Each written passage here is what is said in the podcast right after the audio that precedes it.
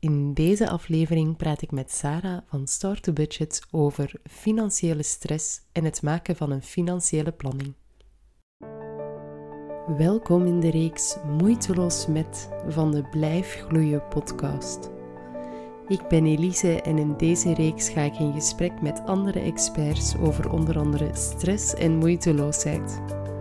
We bekijken hoe moeiteloosheid dan wel stress en impact kunnen hebben op ons leven en we gaan op zoek naar manieren waarop jij meer tijd, rust en energie kan vinden. Vandaag ga ik in gesprek met Sarah van Start to Budget. Hallo, welkom in een nieuwe aflevering van de Moeiteloos met reeks. En vandaag praat ik met Sarah van uh, Start to Budget. Welkom, Sarah. Hallo. Uh, Sarah is budgetcoach en mama van twee jonge kindjes van twee jaar en drie jaar. Uh, en Sarah, toen ik je vroeg naar enkele weetjes over jezelf, ja, dan kwamen daar echt wel de zotste dingen naar boven. Hè? Um, zo zijt jij vier jaar geleden samen met je man in een oldtimer naar Mongolië gereden. Kunt je blijkbaar nog altijd een flikvlak en een salto plant je een rondreis door Europa met een mobilo. Maar er was één weetje waar ik toch echt wel enorm nieuwsgierig naar werd, vooral naar het verhaal erachter. En dat was, ik ben ooit uit bed gebeld door Cynthia Nixon. Vertel. Ja, ja en voor zij die het niet weten, dat is de rosse van Sex and the City. Ja. Um, in een vorig leven werkte ik op filmsets. Uh, ik was wat dat ze noemen tweede regieassistent. En dus dat is eigenlijk de persoon die zich een beetje ontfermt over de acteurs. Um, en wij hebben een film gedaan waarin dat Cynthia Nixon de, de hoofdrolspeler was. En ik denk, na de eerste week of zo, ik lag in mijn bed. Het was, het was elf uur s'avonds en ik kreeg telefoon van haar. Hè. Ze, ze dan een Belgische telefoon met een Belgisch nummer. En um, ze wou even haar driver bespreken, hè, want iedereen heeft dan zijn eigen chauffeur. Mm -hmm. En de energie van haar driver paste niet goed genoeg bij haar. Uh, Oké. Okay. Ja, uh, dus ik dacht, oh, echt, wat moet ik doen? moet ik hiervoor opstaan? ja, dus ik heb, ik heb dan allez, hè, gevraagd of dat we het dan voor die ochtend zo konden laten. Um, en dan daarna zijn wij op zoek moeten gaan naar, naar een nieuwe driver. Nu, dat was een, een jonge gast en dat was zijn eerste keer. En, en, en ja, achteraf gezien moet je geen jonge gast die als eerste keer chauffeurt bij zo'n grote hmm. ster zetten. Uh, dus ik denk dat hij gewoon te veel babbelde s ochtends, terwijl dat hij zich gewoon concentreren. Maar ook ja. de manier waarop dat ze dat zei, was zo Amerikaans. ja, want ik, weet, ik herinner mij ook nog dat ze heel graag kaas wou. Dus er stond okay. altijd een, een, schotel met Franse kazen in haar kamer. Maar ze wou het ook altijd 35 graden in haar kamer. Maar oh. in, haar, in haar loge opzet. Maar dat is niet zo'n goede combinatie. Dus keer kwam, stonk dat naar kaas. En die kon zo heel, niet passief-agressief zijn, maar ja, echt gelijk dat Amerikanen soms kunnen zijn de diva, de ster. Uh, ja. Ah, wel, ik denk niet dat je dat een diva... Ik heb, ik heb met grotere divas samengewerkt die kleiner namen waren. maar ja, die vrouw komt ook al... Allez, hoe, hoe, lang deed hij dat al? Al 30 jaar misschien. Ja. En dan komt ze zo in, in België, waar dat, dat voor ons een supergrote film was. voor haar. Een, een kleintje. Ja. Een kleintje. Dus, okay. dus voilà. Maar kijk, ik heb dan toch een interessant verhaal om te vertellen. Maar ja, zeker en vast. Ik, ik heb ook het idee dat je nog heel veel zotte verhalen zou kunnen vertellen. Um, ja. Maar ik ga toch gewoon starten met mijn standaard ja, vraag nu. Ja. Wat gaat er moeiteloos voor u? Wat gaat er moeiteloos voor mij? Um, plannen gaat eigenlijk moeiteloos voor mij. Ik wist niet dat plannen voor sommige mensen moeilijk is. Um, ik, ik heb nogthans ADHD, dus mensen rijmen dat niet altijd. Maar op een of andere manier vind ik dat leuk. Voor mij helpt dat ook wel om, om chaos te houden in de orde. Ehm, vooral toen ik dan met mijn, mijn man nu samen was, ben ik ook echt een, een, een, zijn we een gedeelde kalender moeten beginnen, omdat ik het gewoon allemaal Mhm. niet kon onthouden. Ehm, en ik, ik ben al veel vergeten in mijn leven, dus die angst om dingen te vergeten zit er zo wel een beetje in. Ehm, maar, maar vooral, wat dat denk ik even belangrijk is, ik kan er goed mee om als de plannen veranderen. Eh, je hebt mensen die Oh. goed kunnen plannen en dan willen dat de planning gevolgd wordt. Ja, Maar ik ben ook zeer flexibel van nature. Ehm, dus een plan is voor mij eerder een richting, zodat je weet waar naartoe gaat, zodat je eigenlijk gerichte acties onderneemt. En ja, als het niet gebeurt, dan gebeurt er niet, maar dan, ge- allee, dan gebeurt er wel iets anders, maar dan gebeurt er tenminste. Dat klinkt heel fel. Ik weet niet hoe thuis dat je bent in IT, maar in IT hebben we zo het agile gebeuren. Eh, ik Ja. weet niet of je daar ooit van gehoord hebt. Ehm, maar dat is er eigenlijk echt een beetje op gestoeld van, ja, je maakt een plan en als de wereld niet meer klopt met je plan, dan past je plan aan. Dus dat, dat klinkt heel fel zo'n beetje in dezelfde lijn van, we gaan nog wel plannen, we gaan zorgen dat we die houvast hebben, maar we gaan daar niet heel strikt aan vasthouden. Ja, en wel, dan denk ik dat ik agile ben. Ja, Ehm, En dat is, dat is oké, want bijvoorbeeld eigenlijk dat je zei in de inleiding, wij hadden plannen om ehm, de wereld, of Europa rond te reizen. mhm. Dat plan is helaas in het water gevallen. Ehm, dus ja, nu hebben wij nieuwe plannen gemaakt en nu focus ik mij vooral allee, 100% terug op start to budget. En in ons achterhoofd hopen we dat voor de oudste, onze oudste dochter eh, naar het eerste studiejaar moet, dat we toch nog altijd dat plan kunnen maken. Ja, zodat het er uiteindelijk toch van gaat komen dan, ja. Ja, of in een aangepaste versie, want we zijn nu één week op reis geweest met de mobiloom en, en dat deed mij toch nadenken over of ik misschien wel negen maanden- met twee kleine kinderen in de mobiloom. Ja, misschien goed dat je het zo wel eens uitgetest hebt nu dan. Dat, Ja. eh, Dus ik ga er ook wel vanuit, naarmate dat ze ouder worden, dat het gemakkelijker gaat worden. ja, dat denk ik ook wel. Ze zijn nog heel jong ook, hè. Ja. Ehm, en dat plannen, dat trekt je dan ook door naar een financiële planning.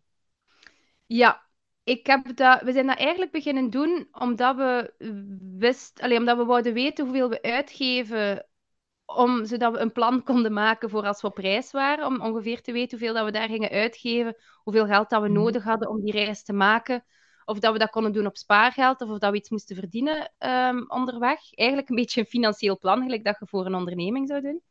Ja.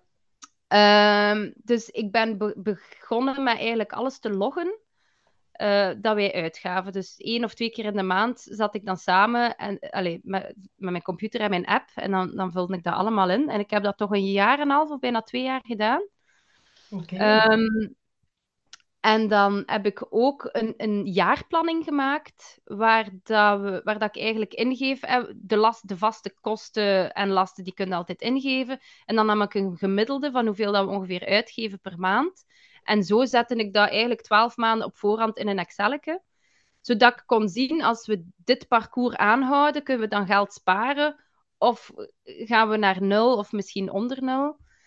En voor mij is dat een heel goede houvast geweest, want het voorbije jaar, dus ik ben, ik ben eh, ontslagen, allee, in twee jaar, ik ben ontslagen geweest. Ik ben dan eh, opgestart als zelfstandig ondernemer. Ik heb een, een, een, een uitkering gehad. Dus het loon is niet altijd zeer optimaal geweest de voorbije periode. Nee, zeker en vast. En dan, zit ik, dan zat ik eigenlijk echt regelmatig met stressjes. Ik heb ook alle, alle trucken uit mijn toverhoed moeten halen om rond te komen. En dan kon ik altijd mijn planning erbij nemen en zien van, kijk, oké, we, we hebben niet veel op dit moment, maar als ik zo blijf voortdoen, dan komen we niet onder nul. Kijk, we kunnen zelf Mhm. 5 euro sparen in de maand. En zo had ik echt een houvast om niet te veel te Mhm. stressen en gewoon het parcours te blijven volgen dat we, dat we bezig waren. En we zijn er, we zijn er bijna uit. We zijn er bijna uit. En ik, ik denk dat dat grotendeels dat plan is. ehm, Ja. Dat ik iets voor ogen had. Ja. Dat je wist wat en waarom dat je het aan het doen waart. En waarom dat je aan het letten waart misschien ook wel op je centen dan. ehm. ja, omdat je echt ziet, zwart op wit, dit, mijn plan is aan het lukken of mijn plan is niet aan het lukken. Mhm. En ik weet bij, bij mensen die, allee, mensen in mijn praktijk, en dan vraag ik, ik vraag eigenlijk minstens één maand om dat op te schrijven, om een eigen uitgaven en inkomsten een keer op te schrijven, zodat je duidelijk kunt zien waar dat, dat geld naartoe gaat. maar eigenlijk wil ik dat mensen dat langer doen, maar ik weet dat dat vaak te veel gevraagd is, omdat dat heel veel moeite vergt. Maar bij mij, Mhm. ja, ik ben ook totaal niet... Ik ben administratief niet goed. Ik ben organisatorisch eigenlijk niet goed. Ik ben een chaot van mijn eigen.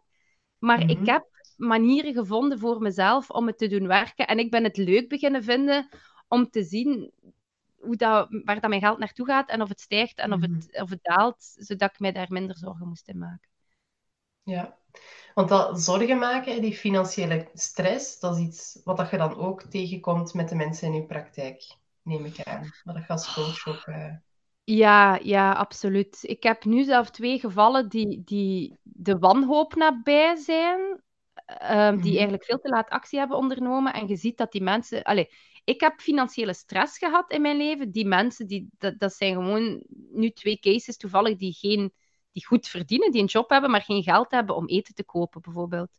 Door allerlei Mhm. keuzes die ze in het verleden gemaakt hebben en die zich eigenlijk nu inhalen. Dus ik Mhm. zie wat dat financiële stress doet met, met een mens. Maar op het moment dat je in die tunnelvisie zit, dat je in die, in die overlevingsmodus zit, kun je eigenlijk niet meer rationeel nadenken, kun je niet meer helder denken en, en komt eigenlijk bij wijze van spreken alle hulp te laat. Je bent gewoon labmiddeltjes aan het zoeken. Mhm. En daarom dat ik zo graag inzet op welzijn en preventie, om mensen Ja. de vaardigheden aan te leren om met die stress om te kunnen, om ze tools te geven, of een Excel te geven, of een app, om er op voorhand alle keer mee bezig te zijn. Want dat is, heb ik gemerkt, het probleem. Bij mensen die onbewust met hun geld omgaan, of financiële stress ervaren, of financiële problemen ervaren. Niemand heeft het ons aangeleerd. Het is een beetje gelijk bij opvoeden. Opvoeden en geld zijn twee dingen die iedereen bijna doet, Ja, maar niemand over praat en iedereen moet het maar gelijk van zijn eigen kunnen. Ja. ja, en ik heb gemerkt dat als je de, de mensen de vaardigheden aanreikt of de skills leert om daarmee om te gaan, liefst voordat ze echt in de problemen zitten, Mhm. zodat het blijft hangen, dat is denk ik waar dat je de meerwaarde kunt creëren en waar dat je zelf, als je financiële stress hebt, dan tenminste de vaardigheden hebt om daarmee om te gaan en een lange termijn planning te maken. Weer die planning dan. Een beetje houvast hebben dan om te zien waar dat je naartoe gaat en te weten, het is misschien nu niet zo goed, maar we gaan hieruit komen als we dit en dat en dat doen. Want ik heb geleerd hoe dat, dat moet. Ik weet hoe dat ik mijn geld kan beheren, dat er genoeg gaat zijn. Ja, voilà. Je hebt daar een heel woord mooi gezegd. Hou vast. Mensen Mhm. willen controle of op zijn, op, op, op eh, zijn minst het gevoel van de controle of de Mhm. illusie van controle. Ja. Wij hebben ongelooflijk, de mens, om een of andere reden, heeft ongelooflijk de nood om, om ja, macht te hebben over iets, over je eigen situatie, over je eigen Mhm. lot, over je eigen leven. Die controle, die hou vast. En, en dat is denk ik waarom dat veel mensen graag een vaste job hebben, omdat dat hen het gevoel geeft van, van zekerheid. Dat geeft hen Ja. een houvast. Ik weet dat ik elke dag van 9 tot 5 moet werken en ik weet dat ik dan Op 2000 het einde euro de- ja, en op het einde van de maand staat Ja. dat geld op mijn rekening. Voilà. En die zekerheid die die mensen willen, is zoveel waard voor hen. Of vaak wordt er ook niet over nagedacht wat dat misschien Mhm. eventueel meer waard kan zijn voor hen. Ehm, dat, dat, eigenlijk, dat het oké is voor dan die mensen dat dat eigenlijk 95% van je leven dicteert. En dat je Mhm. al de rest er dan maar rondbouwt. Ja. En ook hier weer eh, zat ons gesprek er zeker nog niet eh, op. Het is een iets of kortere aflevering geworden over hoe een goede financiële planning eigenlijk heel veel financiële stress zou kunnen vermijden. De volgende aflevering met Sarah, die eh, wordt een beetje langer en die zal voornamelijk gaan over de relatie tussen eh, geld en tijd.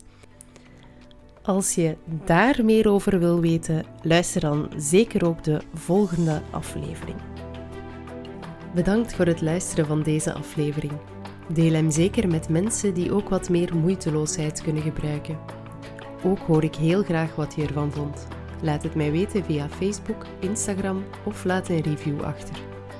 Je kan me ook helpen door de podcast te volgen op Spotify of je op de podcast te abonneren. Zo kunnen nog meer mensen moeiteloos tijd, rust en energie vinden. Tot de volgende keer in de Blijf Gloeien podcast.